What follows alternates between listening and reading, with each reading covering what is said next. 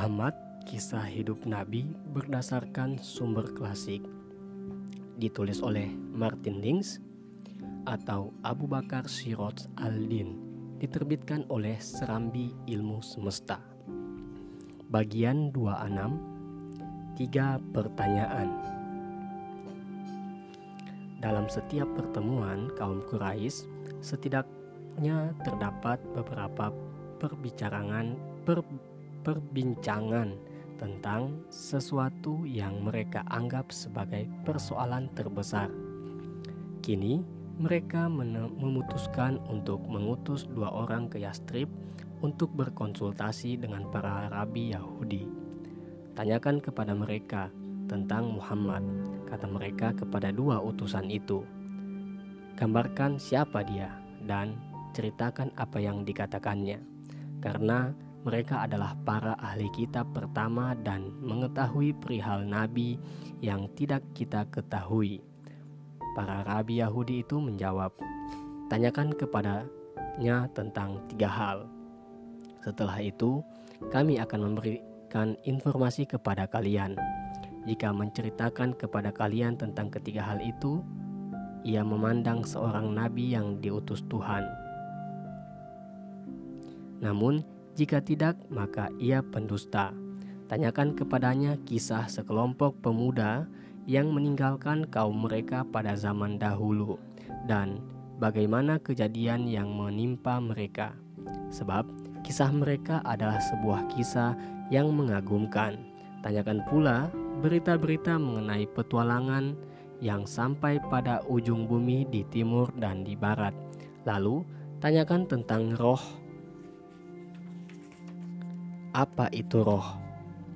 Jika ia menceritakan kepada kalian ketiga hal itu, ikutilah ia karena ia seorang nabi. Ketika para utusan itu kembali ke Mekah dengan membawa kabar itu, para pemimpin Quraisy datang kepada Nabi dan menanyakan tiga pertanyaan tersebut. Beliau berkata, "Esok akan kujelaskan kepada kalian." Namun, beliau tidak mengucapkan insya Allah Ketika mereka datang menuntut jawaban, beliau tak dapat menjawabnya. Begitulah hari demi hari berlalu, hingga 15 malam beliau masih belum mendapatkan wahyu. Jibril yang tidak pernah datang sejak mereka mengajukan pertanyaan kepada beliau. Masyarakat Mekah mengejek dan menantangnya. Beliau pun gusar dan sangat sedih dengan apa yang mereka ucapkan karena beliau belum menerima bantuan yang diharapkan. Lalu Jibril, membawakan sebuah wahyu yang mengingatkan Nabi yang sedih karena apa yang dikatakan kaumnya dan memberinya jawaban atas tiga pertanyaan mereka. Penantian panjang yang beliau alami dijelaskan dalam kalimat dan jangan kamu dan jangan kamu sekali-kali mengatakan terhadap sesuatu sesungguhnya aku akan mengerjakan itu besok pagi kecuali mengucapkan insya Allah. Quran surah 18 ayat 23 sampai 24. Kendati pun penangguhan wahyu ini menyedihkan Nabi dan mengikutinya dan pengikutnya, kenyataannya malah menambah kekuatan. Musuhmu, musuh-musuh terbesarnya memang tidak mau menerimanya, tetapi bagi sebagian besar orang Quraisy yang berada dalam keraguan, hal itu sangat mengokohkan kebenaran pernyataan Nabi bahwa wahyu datang kepadanya dari langit. Beliau tidak turut campur dalam wahyu dan tidak mampu mengaturnya. Bukankah tidak masuk akal jika Muhammad telah membuat wahyu yang terdahulu? Ia juga menangguhkan begitu lama wahyu yang terakhir ini, terutama ketika banyak hal dipertaruhkan. Kaum mukmin juga menjadi semakin teguh, seperti biasanya akibat wahyu itu sendiri. Ketika Quraisy bertanya tentang kisah para pemuda yang meninggalkan kaumnya pada zaman dahulu, sebuah kisah yang tidak seorang pun di Mekah pernah mendengarnya, mereka tidak tahu bahwa kisah itu menunjuk pada situasi saat ini, mendiskreditkan mereka sendiri dan meninggikan martabat kaum mukmin. Kisah itu sering disebut sebagai kisah orang-orang Efesus yang tidur, karena pada pertengahan abad ketiga Masehi ada beberapa pemuda yang beriman dan menyembah Tuhan yang esa. Pada saat kaum mereka menjadi penyembah berhala dan jika tidak mengikuti kaumnya, mereka akan dihukum. Untuk menghindari hukuman ini, mereka bersembunyi di dalam sebuah gua. Di tempat itu, secara ajaib mereka tertidur selama lebih 300 tahun.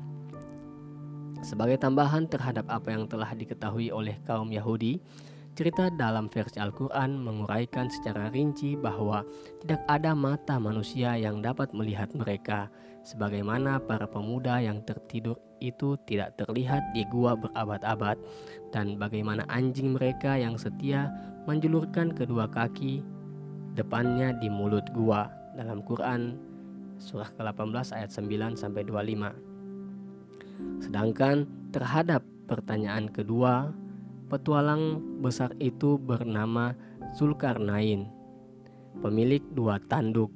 Wahyu menyebutkan bahwa perjalanannya ke barat dan ke timur jauh, dan kemudian menjawab lebih dari yang ditanyakan, menceritakan perjalanan ketiga yang misterius ke suatu tempat yang terletak di antara dua gunung. Masyarakat meminta Zulkarnain agar membuat sebuah penghalang yang dapat melindungi mereka dari Yajuj dan Majuj, serta jin lainnya yang akan merusak negeri mereka.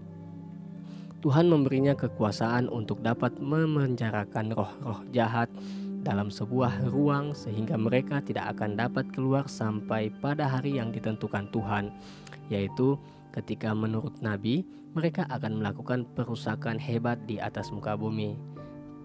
Quran surat 18 ayat 93 sampai 99. Kehancuran benteng itu akan terjadi sebelum hari kiamat tiba dan kejadian itu menjadi satu pertanda bahwa hari akhir telah dekat.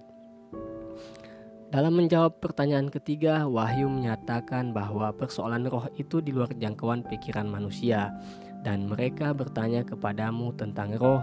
Katakanlah, roh itu termaksud urusan Tuhanku dan tidaklah kamu diberi pengetahuan melainkan sedikit. Quran surah 17 ayat 85. Kaum yang Yahudi sangat berhasrat mendengarkan jawaban Muhammad terhadap pertanyaan-pertanyaan yang mereka ajukan berkaitan dengan pernyataan terakhir tentang pengetahuan mereka bertanya kepadanya. Kesempatan pertama bagi mereka, apakah hal itu ditujukan kepada kaumnya atau kepada mereka? kepada kalian semua, kata Nabi. Mereka langsung protes karena mereka merasa telah diberi pengetahuan tentang segala sesuatu, karena mereka telah membaca Taurat yang merupakan penjelasan dari segala sesuatu, sebagaimana dinyatakan oleh Al-Quran sendiri. Quran Surah ke-6 ayat 154 Nabi menjawab, dalam pengetahuan Allah, Taurat hanyalah sekelumit, namun cukuplah bagi kalian jika kalian benar-benar mengamalkannya. Kemudian turun wahyu mengenai kalimat-kalimat Tuhan yang mengungkapkan sebagian saja dari ilmunya. Dan seandainya pohon-pohon di bumi menjadi pena dan laut menjadi tinta, ditambahkan kepadanya tujuh lagi tujuh ditambahkan kepadanya tujuh laut lagi sesudah keringnya niscaya tidak akan habis-habisnya kalimat Allah dituliskan. Quran Surah 31 ayat 27 Para pemuka Quraisy tidak mau terikat dengan nasihat para rabi itu Para rabi itu sendiri tidak mau mengakui Nabi. Kendati pun jawaban beliau melampaui apa yang mereka harapkan. Tetapi jawaban-jawaban tersebut menyebabkan pihak-pihak lain masuk Islam. Semakin bertambahnya pengikut Nabi Maka para musuh beliau merasa komunitas dan cara hidup mereka semakin terancam. Sehingga mereka lebih keras lagi melancarkan penganiayaan dan perlakuan buruk ter perlakuan buruk terhadap pemeluk Islam. Setiap kabilah sepakat menghukum orang-orang muslim dari pihak mereka sendiri. Mereka akan memenjarakan dan menyiksa kaum muslim dengan pukulan, membiarkan mereka dalam kelaparan dan kehausan. Mereka kemudian menyeret kaum muslim itu ke tanah gersang di Mekah saat terik panas matahari berada pada puncaknya agar mereka keluar dari Islam. Pemimpin Jumah Umayyah memiliki seorang budak Afrika bernama Bilal yang telah menjadi mukmin. Pada siang hari, Umayyah menyeretnya ke tempat terbuka. Ia melakukan memakuk ia memakunya ke tanah sambil menindihkan sebongkah batu besar di atas dadanya. Ia bersumpah bahwa budaknya itu akan tetap diperlakukan seperti itu sampai mati atau sampai murtad dari Muhammad dan kembali menyembah Al-Lat dan Al-Uzzah. Selama menahan penyiksaan ini, Bilal mengucapkan Ahad, Ahad. Saat itulah kebetulan Warokah lewat. Sesungguhnya dia itu Ahad, Ahad wahai Bilal kata Rokah. Kemudian ia menghadap ke Umayyah dan berkata, Aku bersumpah demi Tuhan, jika engkau membunuhnya maka aku akan menjadikan kuburnya sebagai tempat suci. Tidak semua orang Quraisy tinggal di tengah-tengah kabilahnya sendiri. Abu Bakar menempati sebuah rumah di tengah pemukiman Bani Jummah. Hal ini berarti mereka memiliki lebih banyak kesempatan untuk melihat Nabi dibandingkan kabilah-kabilah lainnya karena Nabi biasanya mengunjungi Abu Bakar di setiap sore hari. Diriwayatkan sebagian risalah Nabi selalu ditulis di hadapan Abu Bakar. Kehadiran Abu Bakar di permukiman Mekah yang pada awalnya disambut sebagai aset bagi semua kabilah, kini menjadi sumber ancaman bagi para pemimpinnya. Melalui dirinya lah Bilal masuk Islam. Ketika melihat bagaimana mereka menyiksa Bilal, ia berkata kepada Umayyah, tidak takutkah engkau kepada Allah memperlakukan orang lemah ini seperti itu? Engkaulah yang telah meng mengaruhinya, sahut Umayyah. Karenanya, selamatkanlah ia dari apa yang engkau saksikan. Aku akan membebaskannya, kata Abu Bakar. Aku mempunyai seorang budak hitam yang lebih tegap dan lebih kuat dari dia. Orang orang dari agamamu akan kuserahkan dia kepadamu sebagai ganti Bilal. Umayyah setuju. Kemudian Abu Bakar membawa Bilal dan membebaskannya. Abu Bakar juga telah membebaskan enam orang lainnya.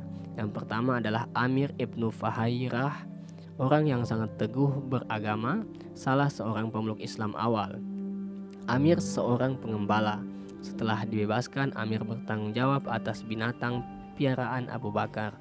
Budak lain yang ia bebaskan adalah budak wanita milik Umar. Budak itu telah masuk Islam dan Umar memukulnya supaya ia murtad. Ketika Abu Bakar secara kebetulan lewat dan menanyakan apakah Umar bersedia menjual budak wanita itu kepadanya, Umar menyetujuinya. Abu Bakar segera membeli dan kemudian membebaskannya. Di antara para penyiksa yang paling kejam adalah Abu Jahal. Jika pemeluk Islam itu memiliki keluarga yang berkuasa untuk melindunginya, Abu Jahal hanya akan menghinanya, berjanji akan menjatuhkan reputasinya dan menjadikannya sebagai bahan ejekan. Namun jika ia pedagang, maka Abu Jahal mengancam akan menghentikan perdagangannya dengan mengatur pemboikotan massal terhadap barang-barang dagangannya sampai bangkrut. Jika ia orang yang lemah tidak mempunyai pelindung dan berasal dari kabilahnya, maka Abu Jahal akan menindasnya. Abu Jahal memiliki berbagai sekutu yang berkuasa di beberapa kabilah lain. Ia mendorong mereka untuk melakukan hal yang sama terhadap pemeluk Islam yang lemah dan tidak memiliki pelindung dari kabilah mereka sendiri. Melalui dialah warga kabilahnya menyiksa tiga orang sekutu mereka yang lemah Yasir, Sumayyah, dan anak mereka, Amar. Mereka tidak mau murtad dari Islam. Sumayyah dan Sumayyah meninggal karena disiksa mereka. Namun beberapa korban dari Makhzum dan kabilah lainnya tidak dapat menahan penderitaan yang mereka alami. Penyiksaan mereka akan meng mengurangi penganiayaan bila mereka setuju terhadap sesuatu yang dikatakan kepada mereka. Bukankah Allah dan Al-Uzzah Tuhan-Tuhanmu di samping Allah? Mereka mengatakan ya, dan ketika seekor serangga terbang melewati mereka dan mereka ditanya, bukankah serangga ini Tuhanmu selain Allah? Mereka mengatakan ya, semata-mata untuk menghindari penderitaan yang tak dapat ditahannya ditahan lagi. Pengakuan ini hanyalah di mulut, bukan dari hati. Namun, mereka yang melakukannya tidak dapat lagi melaksanakan ajaran Islam kecuali sembunyi-sembunyi. Sebagian mereka bahkan sama sekali tidak memiliki privasi lagi. Namun demikian, bagi mereka ada contoh dalam wahyu yang baru saja diturunkan. Wahyu itu berkisah tentang para pemuda yang meninggalkan kaum mereka dan melarikan diri di jalan Tuhan daripada mengalah untuk menyembah Tuhan-Tuhan lainnya. Ketika Nabi melihat itu, meskipun ia sendiri terhindar dari penyiksaan, namun sebagian pengikutnya tidak demikian. Beliau berkata, "Jika kalian pergi ke negeri Abisinia, di sana engkau akan mendapatkan seorang raja yang adil dan bijaksana, suatu negeri yang kalian bebas dan leluasa dalam beragama." Sampai suatu saat Allah memberikan jalan yang dapat menghindarkan penderitaan yang kalian tanggung sekarang ini. Maka beberapa sahabatnya berangkat ke Abisinia. Ini adalah imigrasi pertama dalam Islam.